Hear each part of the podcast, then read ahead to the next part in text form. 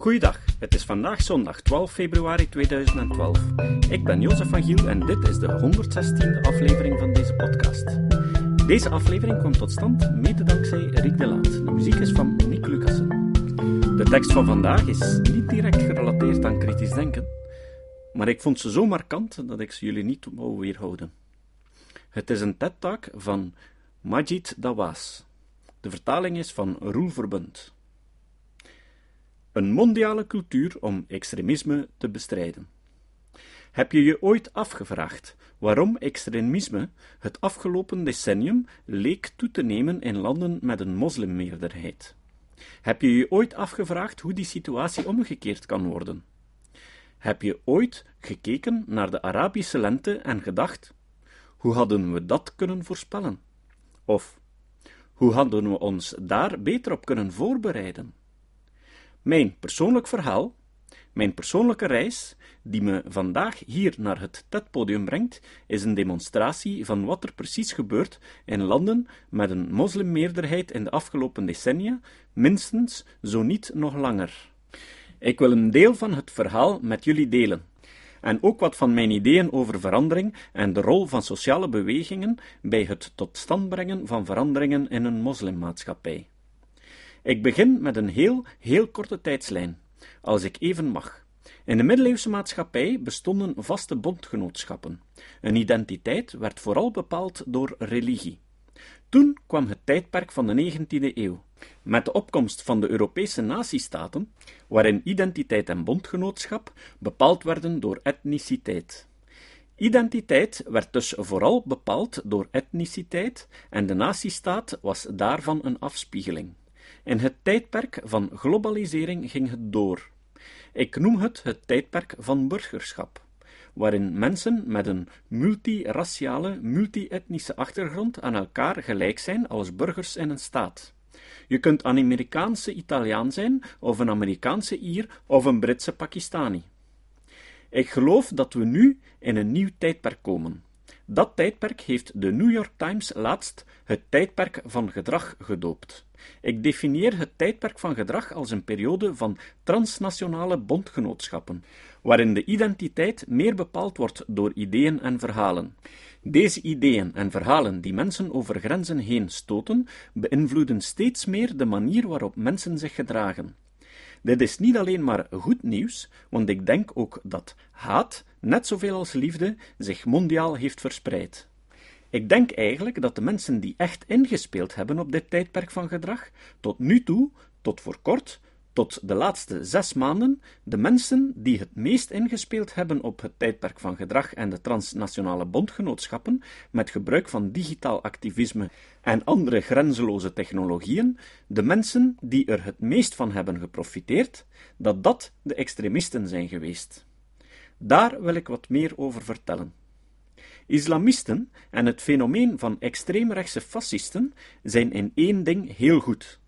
In één ding blinken ze echt uit, en dat is over de grenzen heen communiceren, met gebruik van technologie om zich te organiseren om hun boodschap te verspreiden en een werkelijk mondiaal fenomeen te creëren. En ik kan het weten, want dertien jaar van mijn leven was ik betrokken bij een extreem islamistische organisatie. Ik was eigenlijk heel sterk in het verspreiden van ideeën over de grenzen. Ik was getuige van de opkomst van het islamitisch extremisme, los van de islam als geloof en de manier waarop het mijn geloofsgenoten over de hele wereld beïnvloedde. Mijn verhaal, mijn persoonlijk verhaal, is echt een bewijs voor het tijdperk van gedrag waarover ik hier wil uitweiden. Ik ben overigens een knul uit Essex, geboren en getogen in Essex in het Verenigd Koninkrijk. Iedereen uit Engeland kent de reputatie die we hebben uit Essex. Ik ben geboren in Essex en toen ik 16 was, werd ik lid van een organisatie. Toen ik 17 was, ronselde ik mensen aan de Universiteit van Cambridge voor deze organisatie. Toen ik 19 was, hoorde ik bij de nationale leiding van deze organisatie in het Verenigd Koninkrijk. Toen ik 21 was, richtte ik een tak van deze organisatie in Pakistan op. Toen ik 22 was, richtte ik een tak van deze organisatie op in Denemarken. Toen ik 24 was, was ik veroordeeld tot een gevangenisstraf in Egypte. Ik stond in drie landen op de zwarte lijst vanwege pogingen om hun regering omver te werpen. Ik werd gemarteld in de Egyptische gevangenis en bestraft met vijf jaar cel als politiek gevangene. Die reis, die me vanuit Essex de hele wereld overbracht. We lachten trouwens om democratische activisten. We vonden dat zij uit een vorig tijdperk waren. We vonden dat ze achterhaald waren. Ik leerde hoe ik e-mails moest gebruiken in de extremistische organisatie die ik kende. Ik leerde hoe ik effectief over de grenzen kon communiceren zonder betrapt te worden. Uiteindelijk werd ik natuurlijk in Egypte ontdekt. Maar de manier waarop ik leerde om technologie in mijn voordeel te gebruiken, was door deel te nemen aan een extremistische organisatie die gedwongen was om buiten de grenzen van de nazistaat te denken. Het tijdperk van gedrag, waar iedereen en verhalen steeds meer gedrag en identiteit en bondgenootschap bepalen. Zoals ik al zei, we keken naar de status quo en maakten die belachelijk. Niet alleen islamistische extremisten deden dat. Ook als je naar de stemming in het huidige Europa kijkt, is extreem rechts fascistisch ook in opkomst. Een vorm van anti-islamretoriek is ook in opkomst en het speelt in vele landen. Het gevolg hiervan is dat het politieke klimaat in Europa beïnvloed wordt. Wat er in werkelijkheid gebeurt, is dat diegenen die vroeger lokale splintergroepen waren, individueel of groepen extremisten die van elkaar geïsoleerd waren, nu onderling verbonden zijn op mondiale schaal en zo mainstream geworden zijn. Of dat aan het worden zijn. Want internet en verbindingstechnologie koppelen ze aan elkaar over de wereld. Als je de recente opkomst van extreem rechts in Europa bekijkt, zie je dat er wat dingen gebeuren die de binnenlandse politiek beïnvloeden. Maar toch is het fenomeen transnationaal. In sommige landen zijn minaretten verboden, in andere zijn hoofddoeken verboden. In andere worden op dit moment kosher en halalvlees verboden. Daartegenover staat dat er transnationale islamistische extremisten zijn die hetzelfde doen binnen hun eigen maatschappij. Ook zij zijn splintergroepen die onderling verbonden worden, wat ze de indruk geeft dat ze mainstream zijn geworden. Dat was voorheen niet mogelijk geweest. Ze voelden zich geïsoleerd. Tot deze technologieën beschikbaar werden en ze onderling verbonden, wat ze de indruk gaf dat ze deel uitmaakten van een groter fenomeen. Waar blijven de kandidaten voor de democratie nu? Wel, ik geloof dat ze ver achterop geraken. Ik kan je hier een voorbeeld van geven.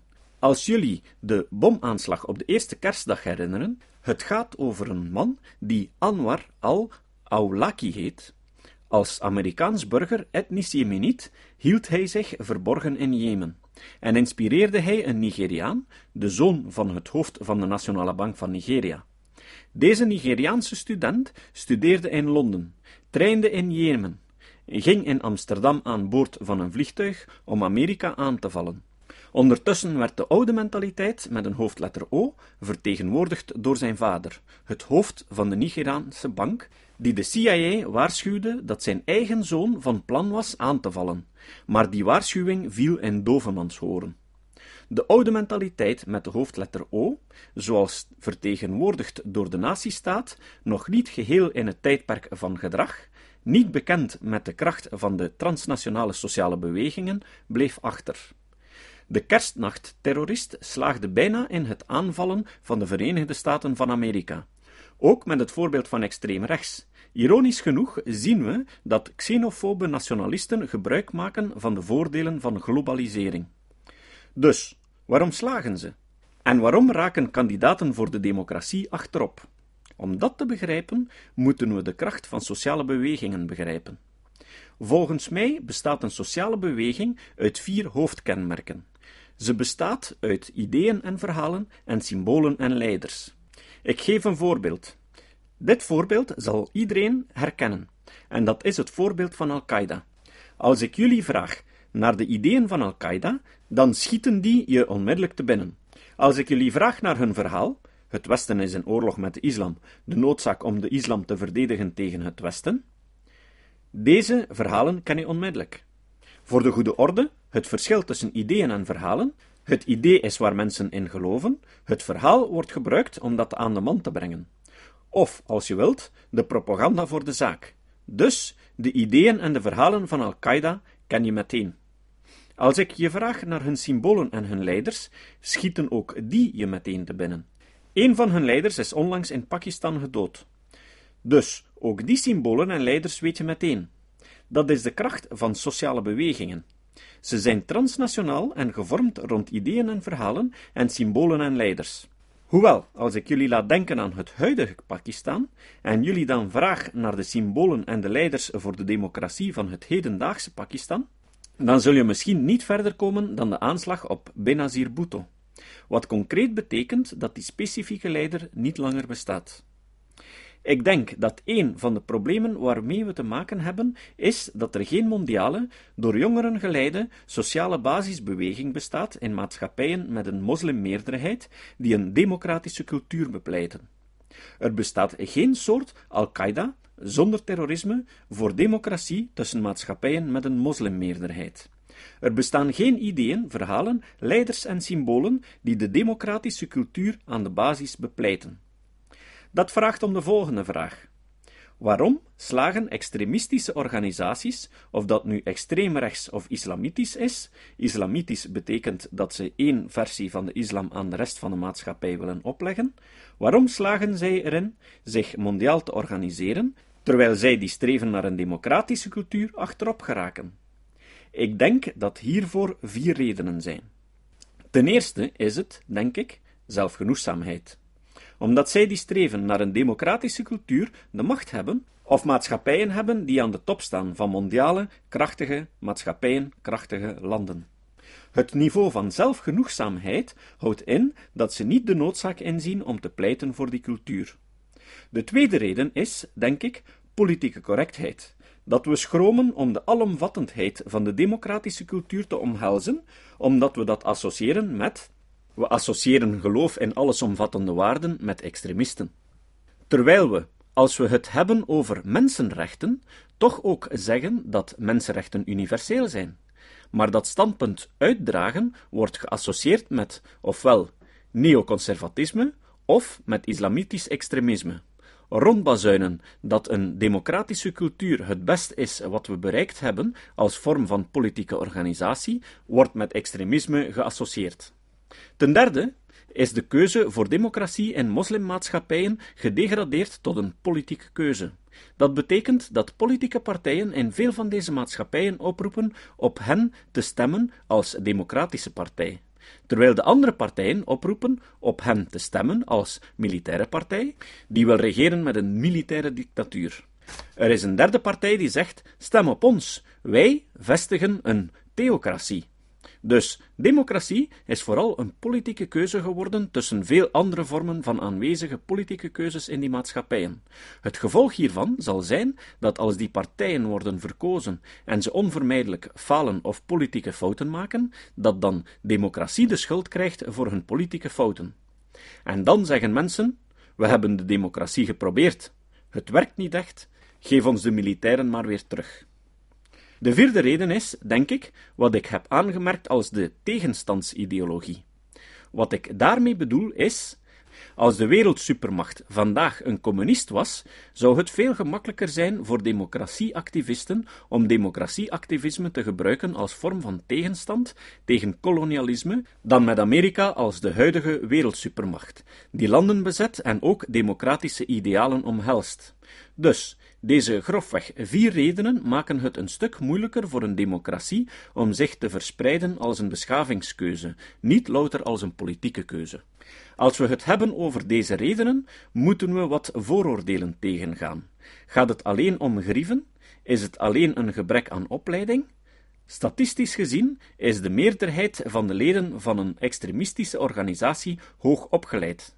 Statistisch gezien zijn ze gemiddeld hoger opgeleid dan de westerse maatschappij.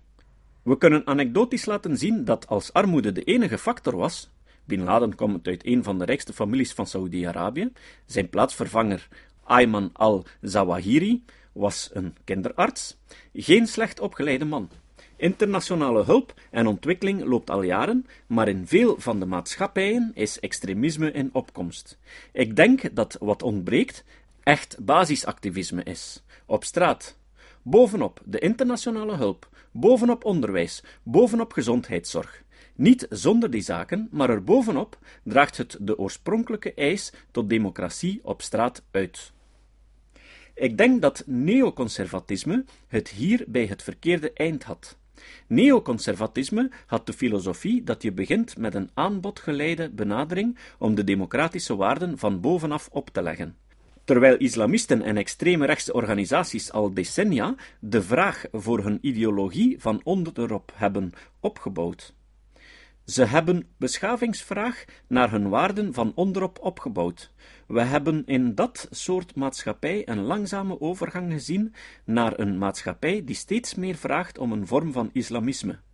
Massabewegingen in Pakistan zijn na de Arabische opstand vooral vertegenwoordigd door organisaties die een vorm van theocratie willen vestigen, eerder dan een democratische opstand. Want al sinds de verdeling hebben ze de vraag naar hun ideologie op straat opgebouwd. Wat nodig is, is een authentieke, transnationale, door jongeren opgeleide beweging die zich actief sterk maakt voor de democratische cultuur. Wat noodzakelijk meer is dan alleen verkiezingen. Maar zonder de vrijheid van meningsuiting kun je geen vrije en eerlijke verkiezingen hebben. Zonder mensenrechten heb je niet de bescherming om campagne te voeren. Zonder godsdienstvrijheid heb je niet het recht om lid te worden van organisaties. Dus die organisaties op straat moeten pleiten voor een democratische cultuur zelf om op straat vraag te creëren naar deze cultuur. Daardoor zullen we het proberen voorkomen. Waar ik al eerder over sprak, waarbij we politieke partijen hebben die de democratie vooral als een politieke keuze presenteren in die maatschappijen, naast andere keuzes zoals militair bewind en theocratie. Terwijl als we beginnen deze vraag op straat op te bouwen op beschavingsniveau in plaats van louter op politiek niveau, een niveau dat boven de politiek staat, bewegingen die geen politieke partij zijn, maar toch zorgen voor deze beschavingsvraag voor de democratische cultuur, dan zullen we het ideaal bereiken. Het ideaal dat mensen horen te stemmen in een gevestigde democratie, niet voor een democratie, maar om te komen tot het stadium waarin democratie de structuur van de maatschappij vormt en de politieke keuzes binnen de structuur liggen, maar die keuzes zeker niet theocratie en militaire dictatuur zijn. Dit wil zeggen dat je stemt in een democratie, in een gevestigde democratie, en dat democratie niet louter een van de keuzes in een stemhokje is, om tot dat stadium te komen, moeten we echt beginnen te bouwen aan vraag in die maatschappijen op straat. Om af te sluiten, hoe gaat het gebeuren? Wel, Egypte is een goed beginpunt. De Arabische opstanden hebben laten zien dat dit al begint. Maar wat er gebeurde in de Arabische opstanden en in Egypte was bijzonder louterend voor mij. Wat daar gebeurde, was dat er een politieke coalitie werd gesmeed voor een politiek doel, en dat was de leider afzetten. We moeten nu één stap verder zetten. We moeten kijken hoe we die maatschappij kunnen helpen om van politieke coalities onsamenhangende politieke coalities over te gaan naar beschavingscoalities, die een bijdrage leveren aan het ideaal van de verhalen van de democratische cultuur op straat. Want het is niet voldoende om een leider, heerser of dictatuur af te zetten.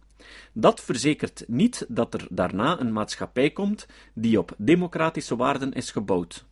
Maar in het algemeen hebben we de trends die beginnen in Egypte, zich historisch verspreiden over Mona-regio, het Midden-Oosten en Noord-Afrika. Toen het Arabisch socialisme begon in Egypte, verspreidde het zich over de regio. Toen in de jaren 80 en 90 het islamisme opkwam in de regio, verspreidde het zich over de hele Mona-regio. We hebben op dit moment het streven, zoals jonge Arabieren vandaag bewijzen, die direct hun imago veranderen. Ze zijn klaar om te sterven voor meer dan alleen terrorisme. We hebben het streven dat er een kans bestaat dat de democratische cultuur kan beginnen in de regio en zich verspreiden naar de overige landen die er omheen liggen. Maar dat zal vereisen dat we helpen deze maatschappijen om te vormen van vooral politieke coalities naar authentieke sociale bewegingen van onderop die pleiten voor de democratische cultuur. We zijn daarmee begonnen in Pakistan met een beweging die Kundi heet, waarin we op straat werken om de jongeren aan te moedigen om authentiek enthousiasme voor democratische cultuur te genereren. En ik eindig met die gedachte. Het citaat. Het citaat van vandaag komt uit The Devil's Dictionary van Ambrose Bierce. Bierce was een Amerikaanse satiricus uit de 19e eeuw. De Devil's Dictionary is integraal te vinden op het internet in de Wikisource, spijtig genoeg alleen in het Engels. Maar wie weet begint eens een van de luisteraars van deze podcast met de vertaling in het Nederlands. Biers zei: Geloof is zonder enig bewijs geloven in datgene wat iemand zonder enige kennis van zaken ons vertelt over onvergelijkelijke dingen. Tot de volgende keer. Dit was de podcast Kritisch Denken. Vergeet niet om alles kritisch te behandelen, ook deze podcast. Voor verdere informatie over deze podcast, links en voor de tekst, surf naar www.kritischdenken.info. Als je deze podcast belangrijk vindt, kun je me steunen door anderen warm te maken ook eens te luisteren. Stuur een e-mail naar vrienden met een link naar de website en plaats de link in de handtekening van je e-mails. Tevens kun je op iTunes deze podcast een beoordeling geven of een recensie schrijven. Of je kan op je eigen website of blog een link naar kritisch denken plaatsen.